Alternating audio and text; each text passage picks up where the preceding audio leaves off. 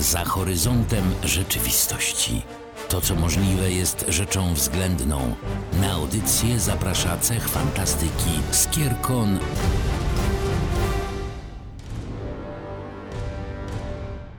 W tym odcinku portalu wita Was Aurelion. I Milka. Cześć Milka. Cześć Aurelion. Dzisiaj na tapetę bierzemy jeden z mocniejszych tytułów, który pojawił się w połowie lat 80.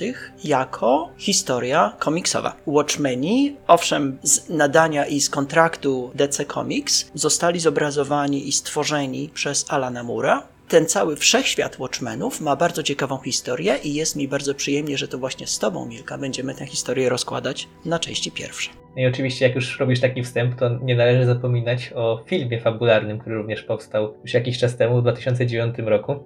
I cieszył się pewnie wśród fanów komiksów dobrym uznaniem, ale pewnie niestety wśród takiej ogólnej widowni nie zarobił wystarczająco dużo pieniędzy, żeby było to kontynuowane. Owszem, tak było, natomiast całkiem niedawno, w 2019 roku, powstała kontynuacja, rozwinięcie tego uniwersum, nie objęta patronatem honorowym przez Alana Mura, który się odciął po tej realizacji Jacka Snydera z 2009 roku, kompletnie się odciął od Hollywoodu. Serial dziewięcioodcinkowy z 2019 roku dzieje się jakby 30 parę lat później, po oryginalnej akcji Watchmenów autorstwa Alana Mura i Dave'a Gibbonsa. Oczywiście w uniwersum Watchmenów, oprócz tych oryginalnych dzieł książkowych i oryginalnych dzieł komiksowych i filmowych, tudzież telewizyjnych, jest cała masa dzieł towarzyszących, bowiem pojawiły się sequele, pojawiły się origin stories, pojawiły się gry,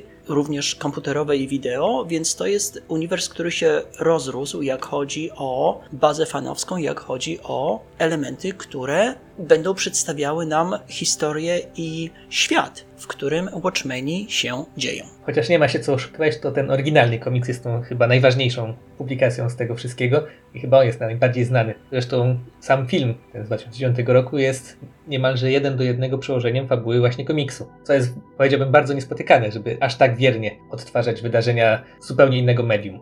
Owszem, Alan Moore nie objął swoim autorskim patronatem tego filmu, tudzież odciął się, prosił, żeby jego nazwisko nie pojawiało się w liście ludzi e, związanych z tym projektem. Natomiast wśród fanów i wśród całego fandomu stanowisko, które ty tutaj przedstawiłeś, że to jest jedna z najbardziej dokładnych wizualizacji, jedna z najbardziej dokładnych ekranizacji historii komiksowych, jest jak najbardziej uprawnione. No oczywiście jakieś zmiany musiały zostać poczynione, bo każdy, czy to reżyser, czy autor, ma jakąś swoją wizję i zawsze jakieś zmiany musi wprowadzić, inaczej to by nie byłoby jego dzieło. No ale wciąż porównując do ekranizacji innych książek czy komiksów, no to jest bardzo wierne. Kim są ci Watchmeni? No bo tak naprawdę Alan Moore, który został zakontraktowany przez DC Comics do odżywienia tak przyfarbowania, przypudrowania ich nabytych bohaterów z zupełnie innej historii, z zupełnie innej serii książek. Stworzył świat alternatywny do naszego. Obserwujemy lata 80. z narastającym konfliktem nuklearnym pomiędzy Rosją i Stanami Zjednoczonymi. Widzimy świat, gdzie Richard Nixon został prezydentem Stanów po raz trzeci, po tym jak Watergate nigdy nie ujrzało światła dziennego. Widzimy parę innych ciekawych zakrętek fabularnych, które pokazują nam, że ten świat przedstawiany w tej historii tak naprawdę nie jest zbyt odległy od naszego. Wystarczyłoby kilka alternatywnych rozwiązań, kilka trochę innych decyzji, żeby znaleźć się właśnie w takim świecie. I trzeba tutaj uwierzyć Aurelionowi, który widział to wszystko na żywo. Słuchaj, Milka, ja dinozaury pasłem, także nie takie rzeczy widziałem. Natomiast to, co widziałem w Watchmenach, kompletnie stawia mózg w poprzek. Dlatego, że to, co Alan Moore bardzo fajnie robi w tej historii, to według mnie pokazuje złożoność postaci bohaterów, tudzież pokazuje, jak to jest być superbohaterem w zwykłym świecie. I okazuje się, że to nie jest taki prosty i smaczny i łatwy do zdobycia kawałek chleba. To wydaje się przepisem na wszystkie postaci, albo na większość postaci, których losy obserwujemy w tej historii. No właśnie, bo cały świat przedstawiony jest tylko tłem właśnie dla tego, co jest najważniejsze w komiksie czy filmie, czyli poszczególnych postaci. Szczególnie widać to po tym, że dosłownie każdy ten z głównych bohaterów dostaje wiele czasu antenowego na przedstawienie jego historii, jego przemyśleń i uczuć i tak dalej. Więc to widać to właśnie skupienie na poszczególnych postaciach i ich charakterach, ich przeżyciach. To samo ujęcie zostało przyjęte w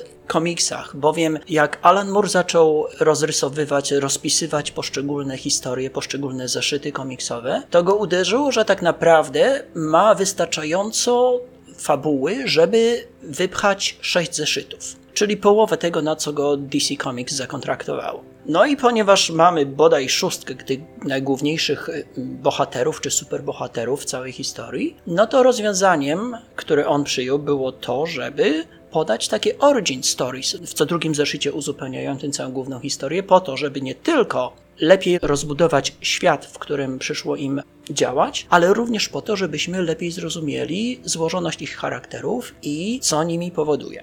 To rozwiązanie dodatkowo przyniosło nieoczekiwany efekt w postaci, no właśnie, analizy i przybliżenia motywów, psychologii i głębi poszczególnych głównych bohaterów całej historii. Jeszcze, jak już jesteś, jak już mówiłeś o tych historiach postaci jako takich wypełniaczach, to jeszcze co do komiksu, to nie można zapomnieć o wypełniaczu w postaci historii zupełnie pobocznych bohaterów, którzy, zwykłych ludzi, którzy tylko dosłownie siedzą na chodniku i czytają komiks. To również zajmuje bardzo dużą objętość komiksu, właśnie po to, żebyśmy mogli zobaczyć, jak ten świat jest widziany z punktu widzenia takiego zwykłego, przeciętnego człowieka, który ma jakieś zwykłe, proste problemy, nie ratuje świata, tylko dosłownie sprzedaje gazety i rozmawia z innymi ludźmi.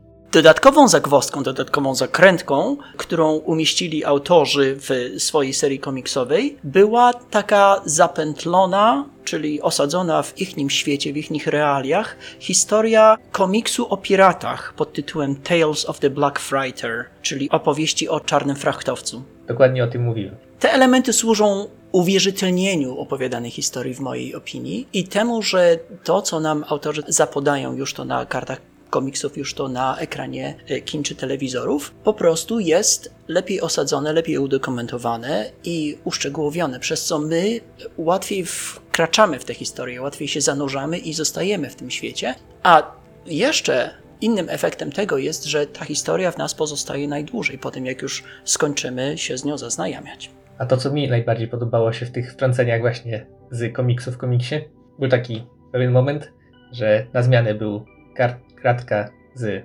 Watchmenów, kratka z tego komiksu w komiksie, z tym takim mykiem, że kiedy był widok z Watchmenów, to były dymki z tego komiksu o piratach. Kiedy był obrazek z piratów, to były dymki dialogu z Watchmenów co bardzo było sprytnym zagraniem, które pokazywało właśnie jak te historie się nawzajem przeplatają i jakie są odniesienia pomiędzy nimi. Pokazywało jak można znaleźć odniesienia z komiksu do prawdziwego świata, nawet jeżeli ten prawdziwy świat również jest komiksem. No dobrze, to o czym są ci Watchmeni w ogóle? Co tam się dzieje oprócz tego, że mamy bohaterów kilkoro, których losy poznajemy na przestrzeni kilkunastu zeszytów? Co tam się dzieje w Watchmenach? To też jest jeszcze bardzo ciekawa jedna rzecz, bo jeżeli mnie pamięć nie myli, to ta cała drużyna bohaterów, którą śledzimy, chyba nigdy nie nazywa się Watchmenami, tak naprawdę. Dopiero na samym końcu oni są tak nazwani przez kogoś innego i to też nie wprost. Ale mimo wszystko są to Watchmeni. My ich znamy jako Watchmenów, czyli strażników, obserwatorów, czy jakkolwiek indziej chcielibyśmy ich jeszcze przełożyć. Ta grupka ludzi jest uzdolniona w różnych kierunkach, bo mamy tam i szpiegów, mamy tam i detektywów, mamy tam i wynalazców, i biznesmenów, i zabijaków, i, no i o, mamy tam jednego arcyciekawego, prawdziwego superbohatera. No właśnie, z tej całej drużyny tych sześciu bohaterów, tak naprawdę tylko jeden z nich jest superbohaterem, co może być nieco dziwne z punktu widzenia, że jest to komiks superbohaterski. I jeszcze do tego to jest jeden superbohater, tylko to jest naprawdę superbohater, który jest niemalże bogiem i potrafi wszystko. Jest nawet potężniejszy od Supermana. Umówmy się, że jest jeszcze drugi bohater, który jest wyposażony w bardzo dobrze rozwinięty intelekt, chociaż nie ma mo mocy nadnaturalnych, takich jak właśnie ta niebieska postać superbohatera, no to dysponuje na tyle olbrzymimi zasobami intelektualnymi, żeby było nie było wpływać na losy całego świata w różny sposób. Sauron chciałbyś, żeby bycie naukowcem było taką supermocą i żeby naukowcy mogli wpływać na świat, co? To zależy. To, wydaje mi się, że jedną z ciekawych opcji, którą z takich ważniejszych wniosków, które wynikają z czy, przeczytania komiksu, tudzież obejrzenia filmu, jest, jakie konsekwencje niesie właśnie taka olbrzymia moc, taka olbrzymia sprawność, wiesz, ten balans pomiędzy odpowiedzialnością i, i możliwościami jest bardzo ciekawie rozgrywany tutaj, wydaje mi się, i jest na pewno na pierwszym planie całej tej opowieści. To w sumie widać nie tylko w tym głównym, można powiedzieć, spisku, ale w gruncie rzeczy w, każdej, w każdym działaniu, w każdej rozmowie, w każdym spotkaniu naszych bohaterów między sobą lub spotkaniu z jakimiś zwykłymi ludźmi lub z przestępcami ze świadka podziemnego, to właśnie wszędzie widać pokazane jest, jak te przeszłe czyny, jakie mają konsekwencje i jak ich obecne działania wpływają na to, co się wydarzy już w następnym zeszycie lub w następnej scenie. To jest jeden z tych głównych rzeczy w tym komiksie. Pokazanie, jak nasze działania wpływają na innych i jakie one mają konsekwencje. Inna sprawa ciekawa, którą autorzy poruszają na kartach tych komiksów, a potem również to zostało w mojej opinii dobrze przekazane w filmie, jest inne, inne rozdwojenie, inny sposób pojmowania świata. Pojmowanie świata w czarno-białych barwach, czyli po prostu bez żadnych możliwości na negocjacje, tudzież na w ogóle dopuszczenie istnienia takich szarych stref, moralnie szarych stref. I pokazanie, że właśnie prawie wszyscy nasi główni bohaterowie operują właśnie w takiej strefie szarości, gdzie mamy takie y, moralne, moralne wątpliwości co do ich motywów, co do ich działań, co do konsekwencji. To sprawia, że te, te konflikty, które nam Alan Moore przedstawia, mają bardzo dobrą głębię, bardzo, są bardzo realistyczne w takim znaczeniu, że to nie jest supermańsko czarna-biała sytuacja, że mamy jakiegoś głównego wilana i trzeba go ubić, albo on jest od początku najbardziej złym złolem, z którym cała szóstka musi walczyć. Mamy tutaj trochę inną sytuację, która wymaga sprytu, delikatności i subtelnego podejścia do rozwiązania. To ja się pozwolę sobie z tą jednocześnie nie zgodzić i zgodzić bo od początku komiksu jest ewidentnie jeden główny zły, którego należy zniszczyć. Jest to Związek Radziecki. To ciekawe bardzo, co mówisz w świetle tego, jak Związek Radziecki zostaje przedstawiany w opowieści, ponieważ mimo tego, że znajdujemy się w środku zimnej wojny i tak, no te nastroje antyradzieckie są jakby na szczycie emocjonalnym tamtych czasów, natomiast koniec końców okazuje się, że tym głównym złolem być może jest ktoś inny. Być może jacy, jakieś inne autorytety albo jakieś inne sprawcze osoby mają trochę więcej brudu za paznokciami niż taki Związek Radziecki. No i wracając do mojej myśli, jeszcze się do, tej części, której się z Tobą zgadzam. Tak, tym takie właśnie odcienie szarości i skonfrontowanie tego z czarno-białym punktem widzenia, jak wielu ludzi przedstawia, na który jest łatwo wpaść przez właśnie wiem, różne media czy propagandę i tak dalej. Jest przedstawione w ogóle nie tylko w tej właśnie głównej osi fabularnej, ale praktycznie w każdym zeszycie widać to wśród w ogóle rozmów na przykład bohaterów pobocznych, kiedy widać, że właśnie jakaś z pozoru błaha sprawa, jakaś błaha kłótnia w ich życiu, w małżeństwie czy z przyjacielem, właśnie może być zarówno właśnie pozornie jest bardzo prostą sprawą, na przykład dla jednej osoby, gdzie rozwiązanie jest oczywiste, że powinno być tak lub inaczej, ale z, punktu widzenia drugiej osoby jest właśnie to bardzo trudno podjąć tą dobrą decyzję, bo tak naprawdę dobrej decyzji może w ogóle nie być. I właśnie to bardzo mi się podobało w tym komiksie, że właśnie praktycznie wszystkie te rzeczy, o których tutaj rozmawiamy, wszystkie te dylematy jakieś moralne czy ważne kwestie zostały pokazane właśnie zarówno z punktu widzenia superbohaterów, którzy walczą z Związkiem Radzieckim, próbują uratować świat przed wojną nuklearną, i jednocześnie te same takie konflikty, te same dylematy zostały pokazane z punktu widzenia tych zwykłych ludzi, którzy mają problem w małżeństwie i po prostu nie dogadują się przy kolacji wieczornej. Jeszcze inną ciekawą sprawą, która wydaje mi się przemyka tak trochę niezauważona, a może wymaga naszego subtelnego spojrzenia na nią, jest to, jak osobowość, jak tożsamość zostaje przedstawiana w całej tej serii. No bo mamy owszem tych bohaterów, wigilantów, tych samozwańczych opiekunów i watchmenów całych, którzy przecież po tym jak, tu musimy uchylić rąbka tajemnicy, ich działalność została zdelegalizowana przez rząd Stanów Zjednoczonych, owszem, muszą ukrywać swoje tożsamości, muszą ukrywać swoją działalność. Może z dwoma wyjątkami, czy z trzema wyjątkami, którzy postanowili z różnych względów ujawnić, kim są i, i jak działają. To, co jest ciekawe, to to, że właśnie takie alter ego i postrzeganie albo siebie w prawdziwym świecie, albo swojej alternatywnej persony jako tej prawdziwej, istniejącej, a dajmy na to człowieka z imienia i nazwiska, bycie tą fałszywą fasadą, jest bardzo ciekawym rozdwojeniem, bardzo ciekawą perspektywą. W związku z tym, to jak wydaje mi się, że w dzisiejszych czasach, szczególnie w świecie internetu, w świecie istnienia na portalach społecznościowych i w podobnych wymiarach, to dodaje smaczku którego Alan Moore w 1986 roku na pewno nie przewidział. Więc y, to dodaje pieprzu całej historii i y, w związku z tym wydaje mi się, że warto to obserwować przez pryzmat dzisiejszych czasów. Zgadzam się z tym, co mówisz, szczególnie biorąc pod uwagę, że wśród niektórych bohaterów tą fałszywą tożsamością jest właśnie ta codzienna sprawa, ten kwestia chodzenia do pracy i posiadania tego zwykłego imienia i nazwiska, a dla pewnych bohaterów to właśnie ta strona superbohaterska jest tą fałszywą, tą, w którą się oni wcielają. Więc tu znowu widzimy z różnych, punktu, z różnych punktów widzenia, co jest prawdziwe. Czy to prawdziwe jest bycie superbohaterem, czy prawdziwe jest bycie Watchmenem, czy prawdziwe jest bycie tym zwykłym szarym człowiekiem, który chodzi do pracy. Tu pojawia się jeszcze jedna fajna zakrętka, jeszcze jedna fajna zagwozdka, mianowicie taka, że poznajemy, no tak było nie było, ludzi z ich, wiesz, silnymi, mocnymi stronami i z ich wadami, z ich niedociągnięciami. W związku z tym ci bohaterowie w Watchmenach tak naprawdę są no, realistycznie przedstawieni, co było niespotykane, jak chodzi o komiksy w latach 80. i było na pewno rewolucyjne koncepcyjnie. Czyli poznajemy ludzi, bohaterów pierwszoplanowych tej historii, którzy są pokazani z takimi mocnymi skazami. Poznajemy ich historię poprzez ich osobiste doznania, poprzez ich osobiste walki, poprzez ich osobiste challenge, często gęsto. No i znowu to pokazuje, że to są jakby bardzo wiarygodne historie z jednej strony, a z drugiej strony to pokazuje, że tak naprawdę superbohaterem nieomal mógłby być każdy z nas, gdybyśmy tylko parę rzeczy inaczej w swoim życiu rozwiązali. Więc w związku z tym to takie podejście rewolucjonizuje taką ideę konwencjonalnego, tradycyjnego patrzenia na superbohatera jako, taki, jako taki ideał, jako takie coś, co no, po prostu trwa na piedestale i brońcie bogowie, żeby to kiedykolwiek upadło.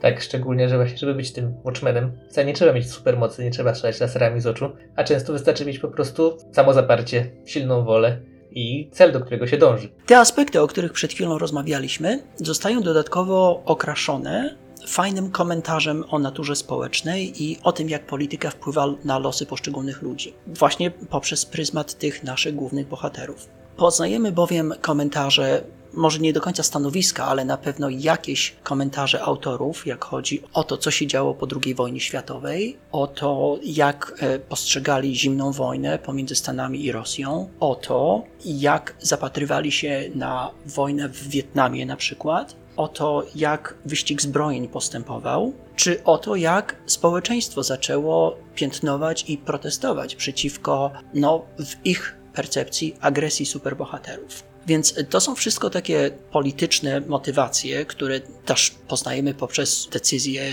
prezydenta Nixona, ale również widzimy poprzez na przykład strajki i zamieszki na ulicach. Jak to wszystko rezonowało w społeczeństwie. W takiej rzeczywistości przyszło działać naszym superbohaterom i czasami musieli, no jakby nie było, walczyć na przykład z takim Johnem Sixpackiem na ulicy, dlatego że taki John Sixpack nie akceptował jednej czy drugiej decyzji, za którą odpowiadał rząd Stanów Zjednoczonych. Kto to jest Aurelion Johnny Sixpack?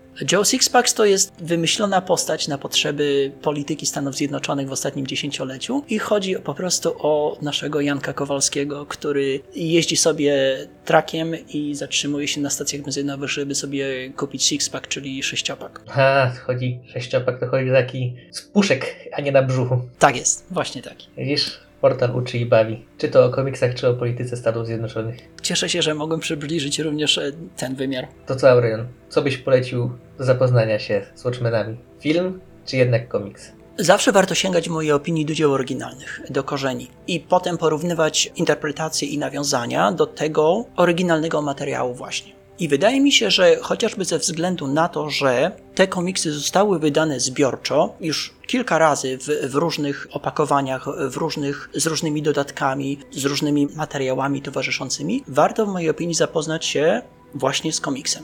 Ale miałem niesamowitą radość odkrywania, jak film dobrze zrealizował ten komiks. I dodatkowo wydaje mi się, jak chodzi o bardzo aktualne komentarzy na temat rzeczywistości obecnych Stanów Zjednoczonych, warto również zapoznać się z tym serialem z 2019 roku, który nawiązywał do historycznych wydarzeń, ale stawiał je w bardzo aktualnym świetle. Jeżeli ktoś interesuje się bliżej rzeczywistością Stanów Zjednoczonych, to na pewno będzie wiedział, o czym mówię.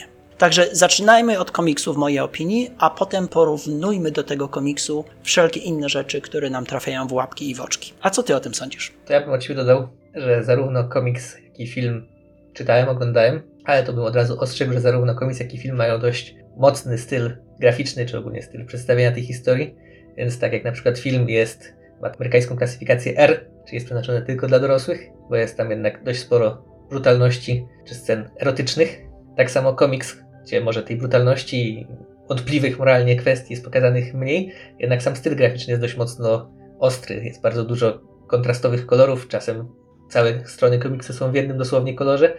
Ja może nie jestem jakimś wielkim fanem komiksu, więc może się na tym za bardzo nie znam, ale odbiór tego był specyficzny. Dość trudny, ale jednak ma to swój. Właśnie sama, sama szata graficzna tego komiksu jest, powiedziałbym, że ważną częścią tej historii. To właśnie przedstawienie tego przeplataniu się dialogów z różnych komiksów, z prawdziwego komiksu, znaczy z Watchmenów i z komiksu w komiksie, czy przeplatanie się dialogów pomiędzy w ogóle różnymi miejscami na planecie, przeplatanie się kolorów i tak dalej, jest również częścią tego odbioru tego komiksu. Ale może być ciężkie dla niektórych.